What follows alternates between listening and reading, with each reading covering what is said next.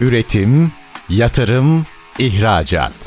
Üreten Türkiye'nin radyosu Endüstri Radyo sizin bulunduğunuz her yerde. Endüstri Radyo'yu arabada, bilgisayarda ve cep telefonunuzdan her yerde dinleyebilirsiniz. Endüstri Radyo.com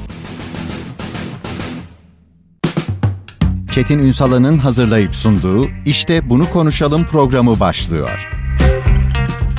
İşte bunu konuşalımdan merhabalar. Türkiye'nin gerçek gündeminde birlikteyiz. Efendim bugün ne konuşacağız? Aslında bugün sanat, sanatsal bakış açısı, onun geliştirilmesi, toplumda toplum ve gelişme üzerindeki iyileştirici rolüne bakacağız. Birçok noktadan yine mercek altına alacağımız meselelerden biri işte ne konuşuyoruz? Marka konuşuyoruz, tasarım konuşuyoruz, katma değerli üretimler konuşuyoruz ama sanatsal bakış açısını geliştirmeden bunların olamayacağını sadece bir önceki sanayi devriminden zaten hepimiz biliyoruz. Bir devrim yani sanayi devrimi, dördüncü sanayi devrimi reform konuşulurken orada Rönesans'ın veya Rönesans bakış açısının olmadan bizim katma değerli ürünlere ulaşmamız mümkün değil. İşin bir boyutunda bunu konuşacağız. İkinci boyutunda işin bir de sosyal tarafı var. Çocuklar. Çocuklara o sanatsal bakış açısını geliştirmek, içlerinden bu işin sanatıyla uğraşan her branştan çocuklarımız çıkarsa ne mutlu. Ama sadece hepsi mesela bugünkü konum gibi heykeltıraş olması, ressam olması, müzisyen olması gerekmiyor. O bakış açısını, o ruhu yakalaması gerekiyor ki yarın öbür gün mühendis bile olduğunda o bakış açısıyla yaratıcı bir birey haline gelsin. İşte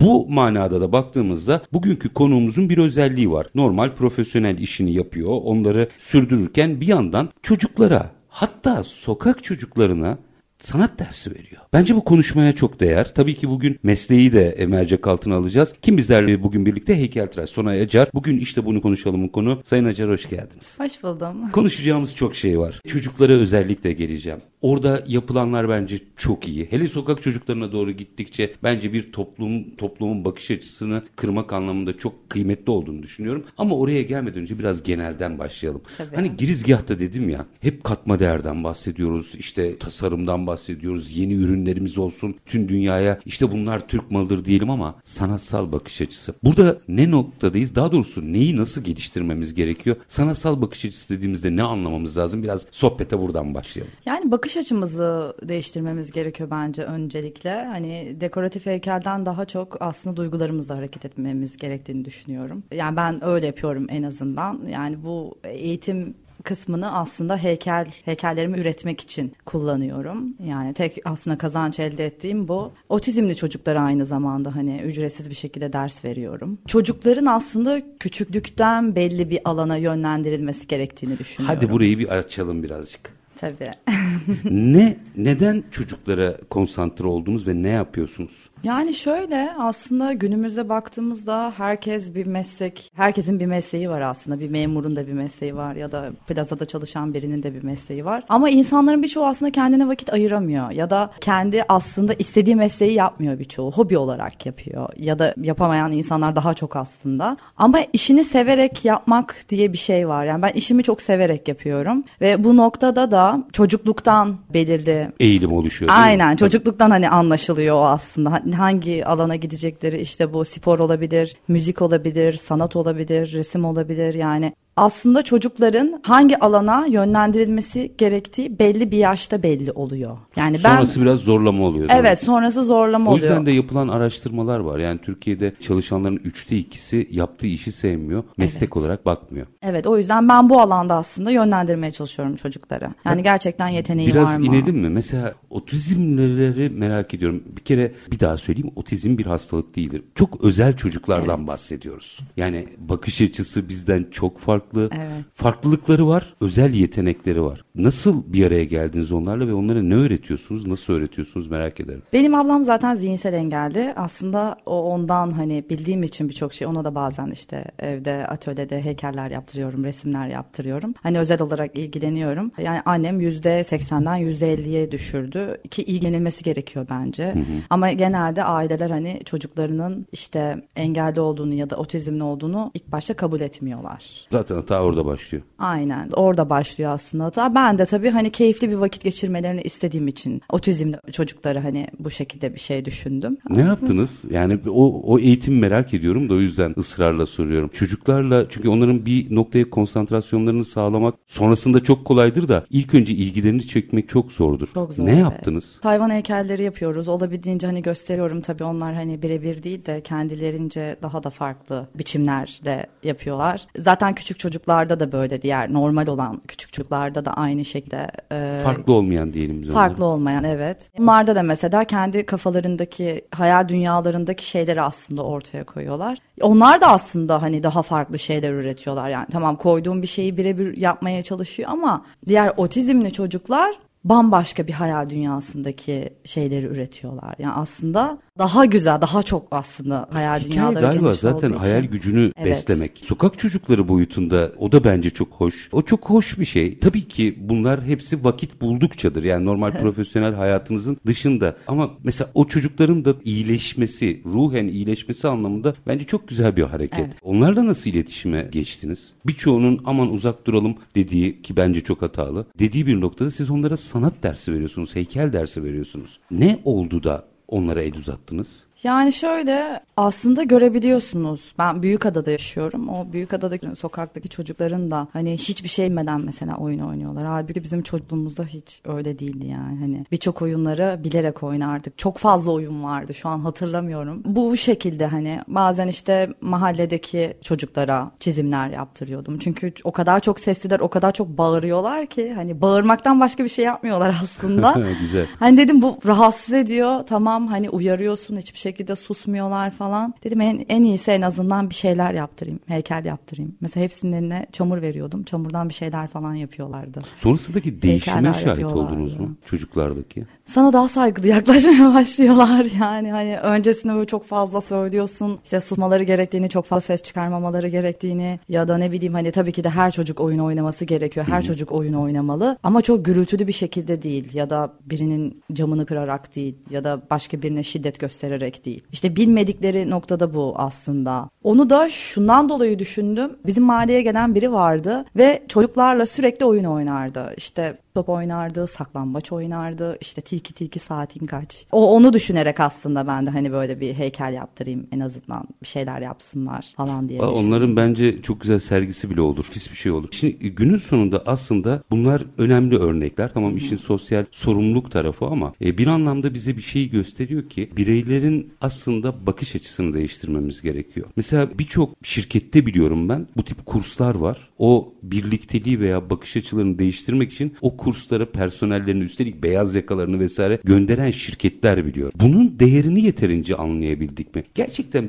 bu işle uğraşmak insanın bakış açısını ne kadar ve nasıl değiştiriyor? Biraz bunu merak ediyorum açıkçası. Bir noktada kendinize vakit ayırmış oluyorsunuz aslında. Yani bence her insanın kendine vakit ayırması gerekiyor. Yani bu müzik olabilir, resim olabilir, heykel olabilir, seramik olabilir. Yani seramik atölyeleri zaten şu an çok fazla aktif bir durumda. Ama insanlar yaptıkları şeyleri en azından görmek istiyorlar. Bir yerlere koymak istiyorlar. Yani gözünün önünde olmasını istiyor ya da o yaptığı şeyin amacına aslında ulaşmış olmak istiyor. Ben de bunu düşünerek aslında bu atölyeyi kurmaya karar verdim. Hani insanların buraya gelip vakit geçirsin, hani güzel vakit geçirsinler. O şeylikten, iş hayatındaki o sıkıcılıktan kurtulup hani burada bir sosyalleşme gibi bir şey olsun diye düşündüm. Aynı zamanda bilgilerimi de karşı tarafa vermeyi istediğim için yani güzel sanatlara öğrenci hazırlıyorum şu an ve hani birçok noktada yetiştirmeye çalışıyorum. Çünkü ben de bu yollardan geçtim. Ben de güzel sanatlara girdiğimde neler olabileceğini gördüm. Güzel sanatlara girdiğiniz zaman mesela model çizimine dair hiçbir şey göstermiyorlar. Şeyde okuldan mı bahsediyorsun? Okulda hiçbir şey vermiyorlar sana. Yani sen bildiğin bilgiyle gidiyorsun. Ben zaten çok öncesinde benim gittiğim kurslarda birkaç kurs değiştirdim. Rezan hocamın kursunda mesela onun ekmeğini üniversitedeyken yedim. Çünkü onun dönemindeyken çok fazla sergilere gidiyorduk. Sergilere gitmeden önce işte Van Gogh'un sergisine gidiyorduk, Monet'in sergisine gidiyorduk. Rembrandt'ın sergisine gidiyorduk. Ama gitmeden öncesinde biz bir video izliyorduk. O sanatçının yaptığı işleri bakıyorduk. Hazırlıyor. Aynen önce bir hazırlıyor. Mesela ben de bu yönden aslında çocukları geliştirmeye başladım. Yaptığı yol çok güzel, mantıklı bir yol. Bununla birlikte aslında heykel de yaptırıyorum güzel sanatları hazırlarken. Çünkü bir çocuk iki boyutlu olarak görüyor. Okey iki boyutlu olarak geçiriyor o sayfaya. Ama o üç boyutluluğu algılayamıyor.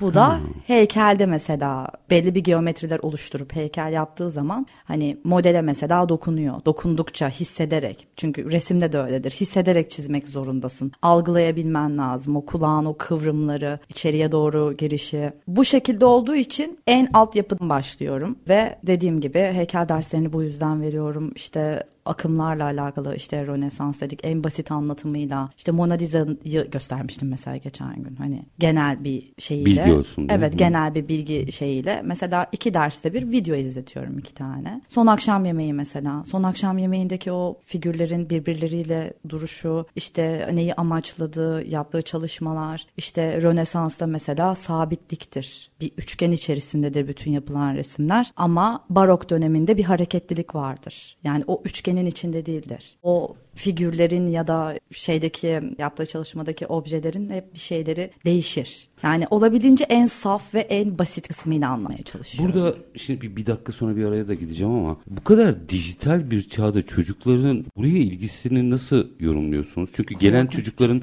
ağırlıklı biçimi muhtemelen telefonlarını bırakmakta zorluk Korkunç çekiyorlardır. Bir şey. Nasıl? En son öğrenci yasakladım ben. Annesine dedim ya hani liseyi kazanması gerekiyor. Liseyi kazanırsa üniversiteyi garantileyecek. Telefonu direkt elinden alın dedim. İstiyorsa ağlasın. Yani çünkü teknoloji, insanlar teknolojiyi o kadar çok artık kullanmaya başladı ki hani kitabı bile telefondan okuyor. Bu çok kötü bir şey bence. Hadi belki bu noktada eski kafalıyım. Estağfurullah. Ama yani bence o kitabı alıp elinize en azından hani ya da sahaflardaki yaşanmışlıkların olduğu kitapları yani bence o sayfaları kurcalayıp elinde hissetmelisin o kitabı okurken. Niyesini biraz konuşalım mı? Ama minik bir araya gideyim. Tabii. Aranın ardından çünkü burada bir takım yargılar da giriyor. Yani şimdi bunu meslek olarak seçmiş, güzel sanatlara girmiş bir isimle aslında bu işin meslek tarafını da konuşmak istiyorum. Çünkü orada da toplumsal çok ciddi ön yargılarımız var. Ama önce şu dijitalle normal hayatın dengesini kurabilmeyi mercek altına almak isterim. Ama minik bir ara verelim. Aranın ardından heykeltıraş Sonay Acar'la işte bunu konuşalım diyeceğiz. Lütfen bizden ayrılmayın. Üretim, yatırım, İhracat. Üreten Türkiye'nin radyosu Endüstri Radyo sizin bulunduğunuz her yerde. Endüstri Radyo'yu arabada, bilgisayarda ve cep telefonunuzdan her yerde dinleyebilirsiniz. Endüstri Radyo.com Kısa bir aranın ardından işte bunu konuşalım demeye devam ediyoruz. Konuğumuz heykeltıraş Sonay Acar. Sanat, toplum, gelişme, birey bunların hepsini mercek altına alıyoruz. Az sonra heykeltıraşlık mesleği üzerinde de merak ettiklerim var. E, hatta toplumsal yargılar vardır. Sadece heykeltıraşlık üzerine değil. İşte bu spor içinde geç. Spor biraz istisna. Aman hep hepsi topçu yapmaya çalışır çocuğun ama sanat dalları ile ilgili böyle bir sıkıntı var. Onu da açacağım. Ama ilk önce araya gitmeden önce özellikle şunu hoşuma gitti. Bu kadar şimdi Üniversiteye hazırlanan çocuklar evet. e, aşağı yukarı yaşlarını tahmin ediyorum. Hepsi dijitalin içine doğmuş ve dijitalden dijitalde seviyorlar. Bunu da eleştirmek için söylemiyorum. Fakat daha görsel, somut, dokunarak yapılan bir işin tercih edilebilmesi için ekstra bir şey yapmak gerekiyor. Bence bu onların bireysel gelişimleri açısından da çok önemli. O dijitalden nasıl koparıyorsunuz onları? Yani aslında aileyi uyarıyorum ilk başta ama mesela dijitali daha mantıklı bir şekilde kullanması gerektiğini söylüyorum ki hani öğrencim genelde mesela o hafta ödev veriyorsan mesela perspektif, perspektif konusunu telefonda mı uğraşıyorsun? Aç perspektifle ilgili bir şeyler bak. Aç işte resimle alakalı bir şey bak hani akımlarla ilgili bir şeyler bak. En azından hani o 7 saniyelik, 10 saniyelik, 1 dakikalık, 1,5 dakikalık videolar sana bir şey katmış olsun. No, Bu da aslında bir eğitim. Aslında. Evet. Yapıyor mu çocuklar?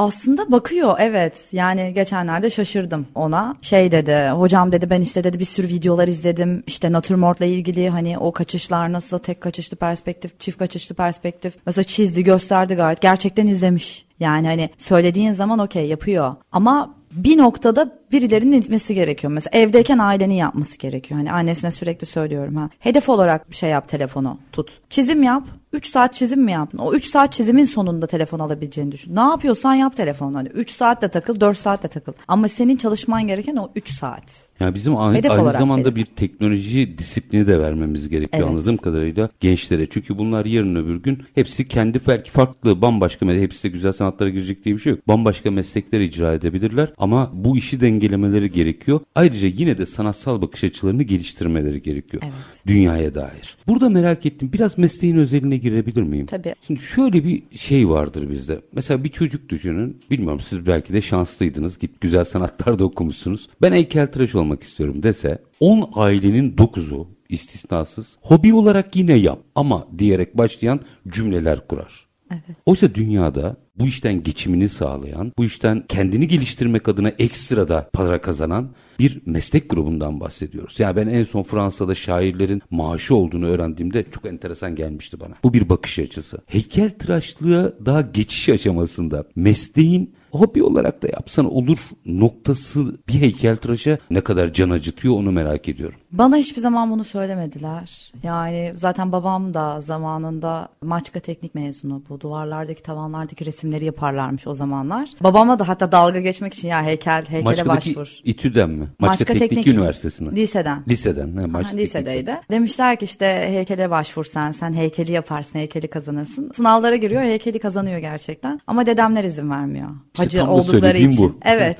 ben mesela kazandığım dönem hani aslında ben heykel düşünmüyordum. En son tercihimdi. Sahne dekor düşünüyordum ya da resim düşünüyordum. Ama iyi ki heykel olmuş. Gerçekten kendimi ifade edebildiğim en güzel meslek dallarından bir tanesi. Ve şu noktada babam kazandığımda şey dedi. Hani hangi bölümü istiyorsan onu oku. Çünkü benim ailem izin vermemişti. Her zaman arkandayım gibi bir şey söyledi. Ama dediğiniz gibi hani dün mesela geçenlerde birkaç gün önce workshop için bir kız geldi bana. O Rezan hocamın benim çok önceden güzel sanatlar hazırlanırken ders aldığım hocanın öğrencileri workshop için geldi. Bir tanesi de daha sonrasında şey yaptı. O gelememişti o gün. O günü ayarladık geçen haftaya.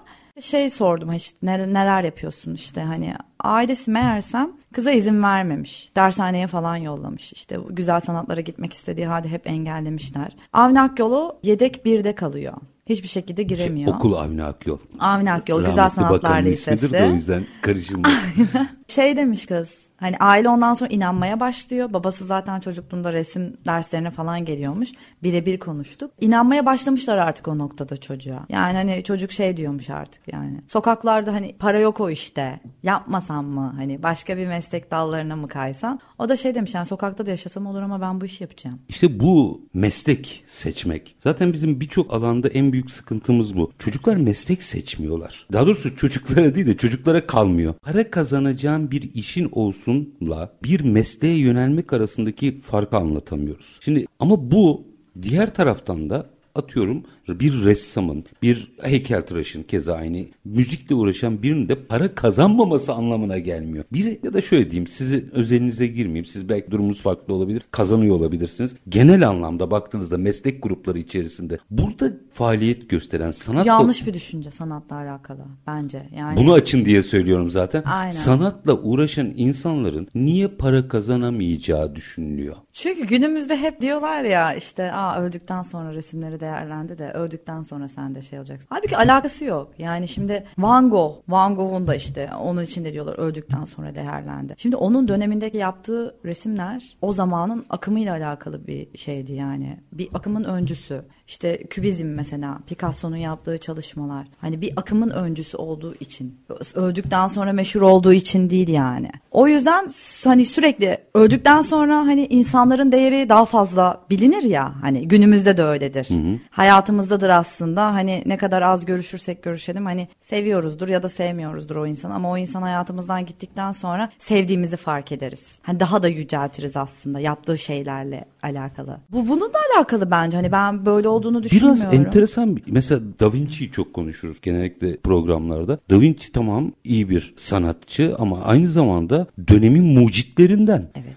Mesela işin bu boyutunu hiç konuşmuyoruz. Aslında yaratıcılıkla yaptığınız sanata dair yaptığınız meslek arasında çok ciddi ilişki var ama biz sanat işte resim müzik hatta beden eğitimi falan gibi dersleri işte onlar da olsun çocuklar eğlensin falan diye görüyoruz. Bakış açısındaki hata burada değil mi? Evet. Sonunda tek düze çocuklardan bahsediyoruz. Da Vinci'nin yaptığı o mekanik heykeller, yaptığı o mekanik bütün her şey, o altın oran, günümüzdeki bütün o ölçüler, bütün hesaplamalar. Yani o dönem onun o kadar hani bilinçli olup bu kadar yetenekli olması bile böyle devasal bir şey aslında yani. Peki bu ön yargıları nasıl kıracağız? Çünkü hani dön dolaş bir realite var. Umarım yeni jenerasyon anne babalarda yoktur. Ama dön dolaş şöyle bir mesele var.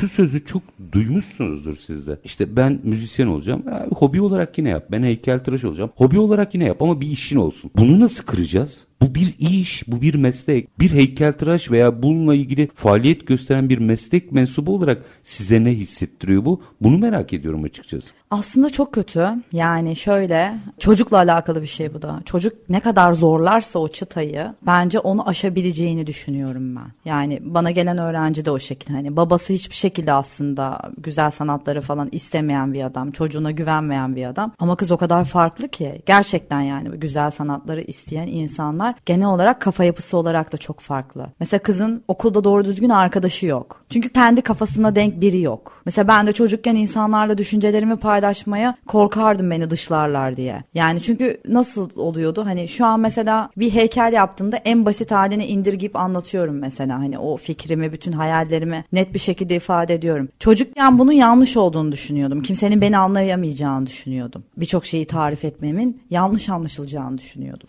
Ama bu, bu bir kendini ifade etme tarzı. Aslında öyle farklıyım aslında Ama bu bir meslek. Yani evet. bunun ısrarla altını çizmek istiyorum. Bunu da yap, bu da hobin olsun falan gibi ön yargıları nasıl yıkacağız? Çünkü niye? Bunun hem bir mesleğe saygısızlık olduğunu evet. düşünüyorum. İkincisi daha globalde bir şey söyleyeyim. Bir sanayi devriminin ortasında üstelik o sanayi devrimi teknolojik olarak gözükse de eş zamanlı olarak yaratıcılığın ön plana çıktığı bir sanayi devriminin ortasında biz bu bakış açısını nasıl değiştireceğiz? Sizin durduğunuz yerden bunun çözümü nereden gözüküyor? Ben olabildiğince uyarıyorum. Velileri uyarmaya çalışıyorum en azından şimdi. istemediğim bir mesleğin içindesin şu an. Birçoğu zaten velilerin hiç istediği meslekleri yapmıyorlar. Yani kaç yıl çalışıyorsa artık o kadar yıldır o mesleğin içerisindesin. Çıkış saatini sayıyorsun sürekli. Yani o art belli bir zaman sonra ızdırap gibi geliyor sana. Ama sevdiğin bir şey yapsaydın o saatleri bu şekilde sayıyor olmazdın. Hani o yüzden biraz daha böyle düşünceli, çocuğa daha düşünceli yaklaşması gerektiğini düşünüyorum. Bu Çocuk eğer yetenekliyse gerçekten hani sanata bir ilgisi varsa bu hobi olarak devam edilecek bir şey değil. Çünkü hobide nasıldır? Göze güzel gözüken bir şeyi yaparsın. Yani ben o aslında baktığım zaman o hatayı anlarım. Ama bir başkası baktığı zaman aa güzel gözüküyor der. O hatayı asla anlamaz. Ama yetiştirilen bir insan bütün her şeyin tekniğiyle yaptığı için profesyonel bir şekilde ilerlemeye başlar. Ha şuna da katılmıyorum kesinlikle. Yani işte hani sanatta para yok. Mesela çok zengin lüks arabalar, araçlar lüks diyelim. araçlar bizim elimizden çıkıyor aslında baktığımızda onların modellemeleri. Yani Tasarımı. hepsi hepsinin tasarımları yani hani bütün markalar geçerli bunun için. İnsanların ilgisini genelde en ya bu pahalı olan araç otomobil çeker. Otomobil olarak değil bu kıyafette de öyle. Yani o tasarımcıdan çıkıyor tasarımcıdan aslında. Tasarımcıdan çıkıyor evet. Yani kille modelleniyor normalde onlar. Onların birebir kalıpları alınıyor. Yani o arabaların birebir aslında boyutları kille yapılıp hmm. kalıpları alınıyor. Bakın heykeltıraş ne yapıyormuş? O lüks yani. arabaların kalıplarını, maketlerini yapıyormuş. Evet. Doğru mu? Evet. Peki bunu kaç kişi biliyor? Bence bilen yoktur. Ben de üniversitede okurken öğrenmiştim. yani sizin her yerde heykel olarak gördüğünüz o sanat eseri beslenerek aslında otomotiv endüstrisinin belki de tasarımlarını oluşturuyor. Evet. Doğru mu anlamışım? Evet. Mesela bir arkadaşımla bunun üzerine çok konuşmuştuk. O şey söylemişti. Bir tane çok lüks bir arabanın markası böyle o kadar klasik bir araba ki hani sürekli yıllar geçtikçe bile aynı şekilde gözükecek. Aynı lükslükte hmm. gözükebilen İngiliz klasik galiba. bir araba. Evet. Hmm. Ondan bahsetmişti mesela oraya o şirkete girecek olan makine mühendisleri bile önüne kille malzemeleri koyuyorlarmış. Onun birebir oyulmuş halini istiyorlarmış mesela. Yani senin o noktada mühendis olmanın hiçbir anlamı yok. Onu birebir o şekilde yapman gerekiyor aslında. Çok üst düzey oluyor baktığın zaman. Hani onu modellemek bile, onu görebilmek bile bir şey. Yetenekliyi seçiyor arasından. Şimdi o zaman tasarım diye konuşurken, katma değer diye konuşurken otomotiv sektöründen başlayarak şimdi herkes kendi kendine ben bence bunu sorsun. Biz hiç heykeltıraşlara başvurduk mu? Kısa bir ara aranın ardından heykeltıraş Sona Yacar'la işte bunu konuşalım diyeceğiz. Lütfen bizden ayrılmayın. Üretim, yatırım, ihracat. Üreten Türkiye'nin radyosu Endüstri Radyo sizin bulunduğunuz her yerde. Endüstri Radyo'yu arabada, bilgisayarda ve cep telefonunuzdan her yerde dinleyebilirsiniz. Endüstri Radyo.com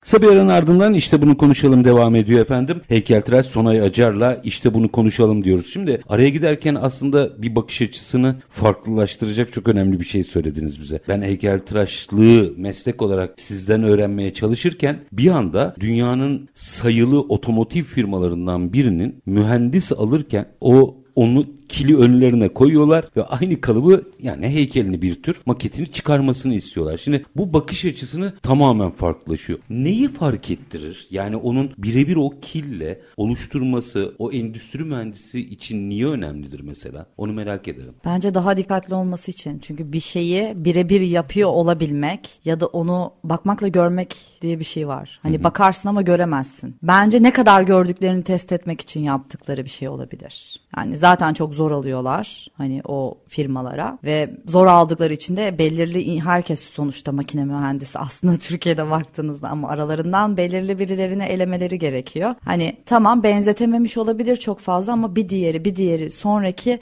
birebir aynısını yaptığı zaman o adamı seçip alır. Çünkü bakmak ve görmek arasındaki fark aslında o yakalamıştır. Galiba asıl yaratıcılık da orada başlıyor evet. veya tasarım, katma değer neyse. Şimdi şu kille yolculuğu biraz anlatabilir misiniz? Yani Hı. madem bu işlerde biraz ezber bozmaya çalışıyoruz. Bugün Endüstri Radyo dinleyicilerine de ben nasıl bir heykel nasıl yapılırı merak ederim. Nedir malzemesi? Nasıl yapılır? Nasıl görünür? Hep biz kil, çamur falan hep bunları biliriz böyle kulağımıza şey mi? Gerçekten bir heykel nasıl yapılır? Yani şöyle ilk başta konstrüksiyonu hazırlamanız gerekiyor. İçinde o kili tutabilecek bir şeyin olması gerekiyor. Mesela onu biz demir çubuğun etrafına tellerle tahtalar koyup yapıyorduk. Onu tamamen Kalıp elimize... yapıyorsunuz yani. Evet iç kısmında konstrüksiyon hazırlıyorduk. Şey gibi düşünün bunu. İskelet gibi. Şöyle de olabilir. İnsanların vücudundaki o içerisindeki o iskelet gibi. Tamam onu oluşturdunuz. Aynen. Mesela ilk başta küple başlamıştık biz iç kısmında konstrüksiyonu oluşturup tamamen bir küp yapıyorduk. Su terazisiyle ölçüyorduk mesela onları. Birebir aynı olması gerekiyor. Sürekli böyle aşama aşama değişiyordu. İşte model aşk kalemlerini kullanmayı öğreniyorsun. Mesela ilk defa şarkı kullandım hayatımda.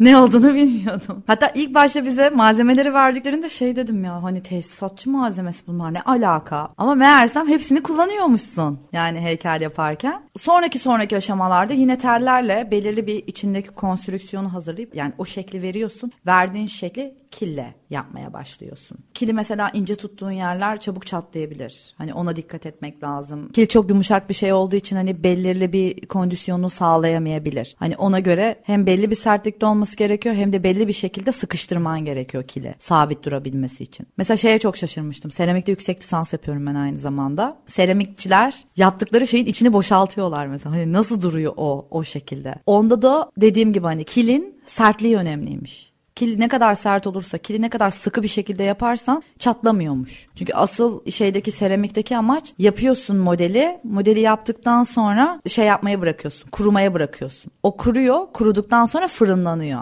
Ama bir yerde boşluk bıraktığın zaman kırılabilir, çatlayabilir. Başkasının malzemesine yaptığı çalışmaya zarar gelebilir. Hani o şeyleri de var. O yüzden heykelde aslında en basit yöntem. Ben hani o yüzden heykeli çok seviyorum. Çok zorlanıyorum zaten şu an seramik bölümünde. Heykelde bir haftada herhangi bir şey üretebilirsin. Yani önemli olan tasarım kısmı. Bir şeyi tasarlama kısmı çok önemli. Onda zaten çok fazla vakit harcıyorsun. Bir şey tamam okey budur dedikten sonra malzemeyi diğer serbest malzemelerden de kullanabilirsin. Yani heykel demek sadece kil demek değil. Ben birinci sınıfta kil, kille başladım. Ondan sonra model falan yaptık hatta. İşte büstleri falan yaptık. Ama sonrasında doğrudan biçimlendirme atölyesine geçtim ikinci sınıfta. Doğrudan biçimlendirme atölyesinde de şey vardı. Metal vardı, taş vardı, ahşap vardı. Mesela onların hepsini kullandım. Olabildiğince malzeme bilgim daha fazla olsun diye. Taş çalıştım bir dönem. Bir dönem kaynak yaptım. Başka bir dönem ahşaptan kulak yaptım. Ahşaptan çalıştım. Mesela taş taştan, ahşaptan çalışma yapıp birleştirdim bunları. Yani hep o döngünün içerisine döndüm aslında. En son serbest atölyeye gittim. Serbest atölyede de atık malzemelerden yapabilirsin, hazır malzemeleri kullanabilirsin, her türlü malzemeyi kullanabilirsin. Ama ben orada da yine çimentoyla metali kullanıp mezuniyet çalışmamı yaptım. İşte sargı bezlerini kullandım aynı zamanda. Hani farklı bir konsept oluşturdum. Niye kesmiyorum biliyor musunuz? Merakla dinliyorum ayrı konu ama anlattıklarınızın her birinde mühendislik var, evet. matematik var,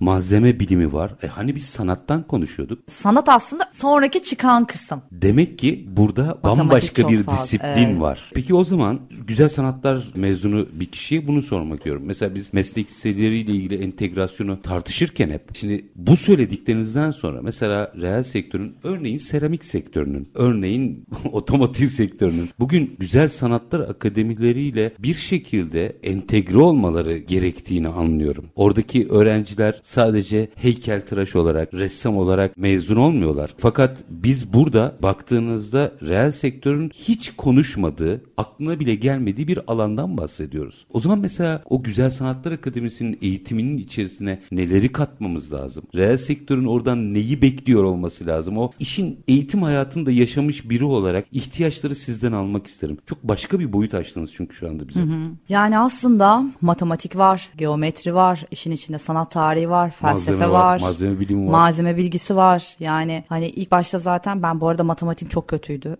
yani geometrim de çok kötüydü benim. Ama mesela taş çalışırken onu birebir çıkarabilmek için o geometriyi sürekli hesaplaman lazım. Ben hesap makinesiyle hesapladığımda bile beynim yanıyordu. Ama bir şekilde o şeyi artık hani yolunu bulmuştum. Mesela bir şeyi orantılarken kaça kaç orantılaman lazım, nasıl orantılaman gerekiyor. Hep bunları artık belli bir şeye koydum. Belli bir kalıba koymuştum. Heykelde de aynı şekil. Yaptığım bütün işlerin, yaptığım bütün çalışmaların bir matematiği var. Yani o matematiği kullanmadığın sürece hiçbir küp taşın içerisinden o modeli çıkaramazsın. Yani o zaman benim işte yine aynı yere geliyorum. Benim burada tasarım konuşan, modelleme peşinde koşan bir fabrikanın Güzel Sanatlar Akademisi'nden içeri girerek öğrencilerle bir şekilde farklı bir ilişki kurması gerekiyor evet. o zaman. Hiç gelen giden oldu mu? Bence olmadı. Ben daha denk gelmedim hiç. Yani aslında evet yani üretilen birçok şey aslında heykeltıraşların yaptığı bir şey. Yani ama bence bu bu kadar farkında değil insanlar. Yani bunu bu kadar farkında değiller. Yani çünkü e, sektör çok fazla olması lazım lazım heykel olarak düşününce. Yani yaptığımız şey metal yapı. Ben bir ara çünkü metal kaynağı falan da yaptım. Metal kaynağı şeyi olarak da çalıştım yani bir, bir yerde. Her işi yaptım yani o anlamda.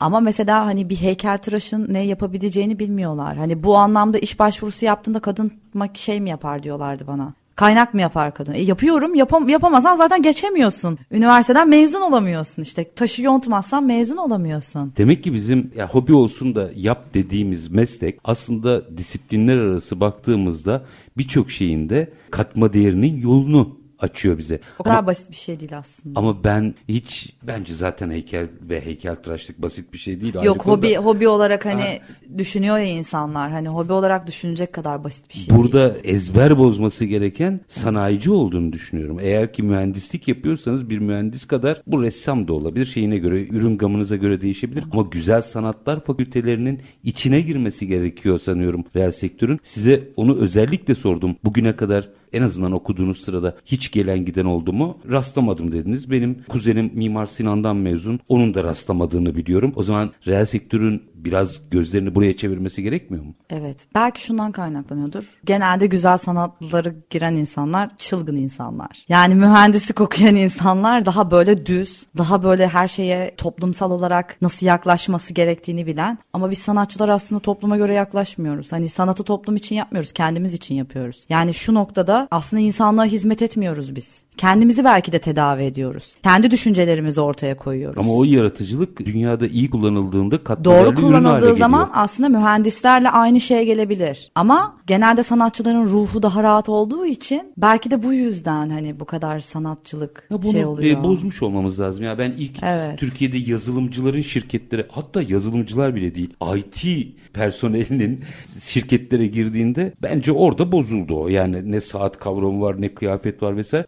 Alışmış olmaları lazım. Bence evet. çok şirket alıştı. Burada eğer tasarım peşinde katma değer peşinde koşuyorsak galiba daha fazla güzel sanatlar akademilerinin içerisinde dolaşması gerekiyor sektör mensuplarının. Evet. Peki orada şimdi tersten bakacağım bir fabrika müdürünün gelip bir heykeltıraştan aşağı yukarı ne isteyebileceğini tahmin ettim şimdi. Otomotiv örneği bence çok iyiydi. Hı hı. Tekstil, tasarım hepsi için geçebilirsiniz bunu. Oradaki o işi yapan meslek sahibi nasıl bir ortam istiyor ki eşleştirebilelim. Çocuk ne ister? Bir otomotiv fabrikasında çalışabilmek için bir heykeltıraş ne ister? Çünkü o beklenti karşılıklıdır. Bir tarafın ne beklediği belli.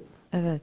Şunu düşünüyordum çok pardon. Estağfurullah estağfurullah buyurun. Şey düşünüyordum bu bir sürü fabrikalardan bahsedince direkt kafam oraya gitti. Şimdi bütün fabrikalarda aslında 3D yazıcılar var. Bu 3D yazıcıların yaptığını aslında heykeltıraşlar yapıyor. Hani aslında bütün her noktada varız. Bunu düşünüyordum siz konuşurken.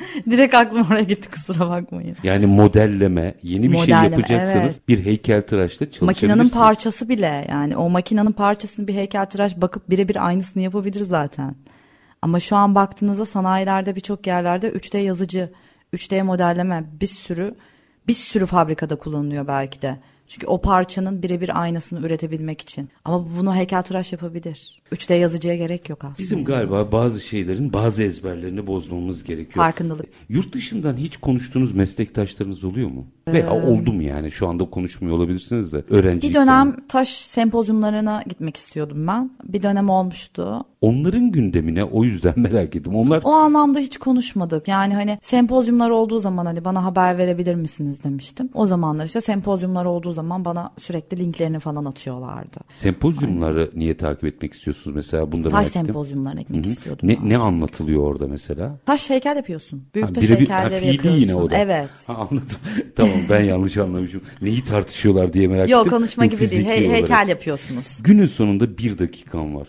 Bütün bunları e, bir araya getirdiğimizde bir kere bu mesleğe bakış açısının galiba bir değiştirilmesi gerekiyor. Evet. E, bahçelere heykel yapan insanlardan ibaret değil heykeltıraşlar. Evet. Sadece bahçelerdeki heykeller değil maalesef. e, sanayiye entegre olması gerekiyor. Galiba tasarımın içerisinde yer alması gerekiyor. E, yine anlattıklarınızdan anladığım kadarıyla Güzel Sanatlar Akademisi'ne reel sektör mensuplarının daha çok gitmesi gerekiyor. Ve yine son sözü çocuklara bırakayım. Çocuklara sanatsal bir bakış, heykel öğretirken böyle yaşadığınız enteresan bir şey oldu mu hiç? Böyle minik bir anekdotla anıyla bitirelim. Genelde yapabiliyorlar. Hani ben biçimsel olarak gösteriyorum. Biçimsel olarak yapması gerektiğini söylüyorum. Yani o geometriyi kurduktan sonra zaten hiç kimsenin yapamayacağını düşünmüyorum. Belli bir ölçülere, belli bir şeylere göre. Yani daha hiç enteresan bir şeyler rastlamadım sanırım.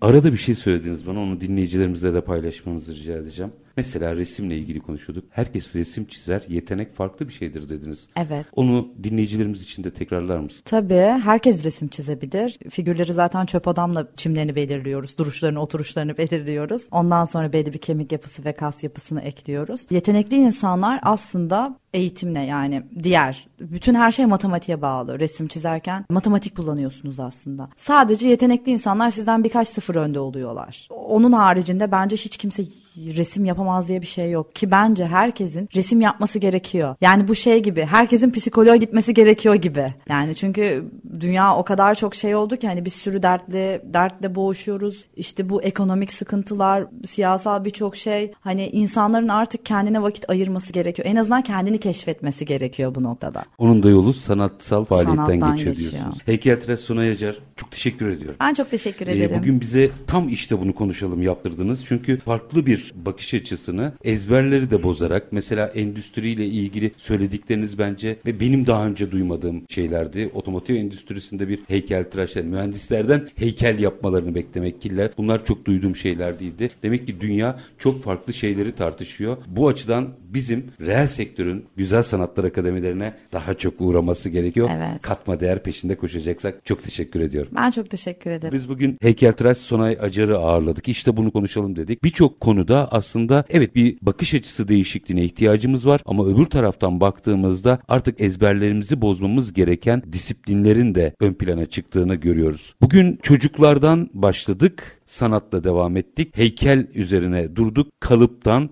resime kadar her şeyin temelinde matematiğin ve matematik biliminden sonra gelen yeteneğin olduğunu fark ettik. Çocuklarınıza imkan verin. Hobi olarak yine yapama diye başlayan cümleler kurmayın. Çünkü belki de yarın öbür gün Türkiye'nin yaratacağı bir katma değerli üründe onun imzası olacak. Takdir sizlerin biz konuştuk. Her zamanki gibi bitirelim. İşinizi konuşun, işinizle konuşun. Sonra gelin işte bunu konuşalım. Hoşçakalın efendim.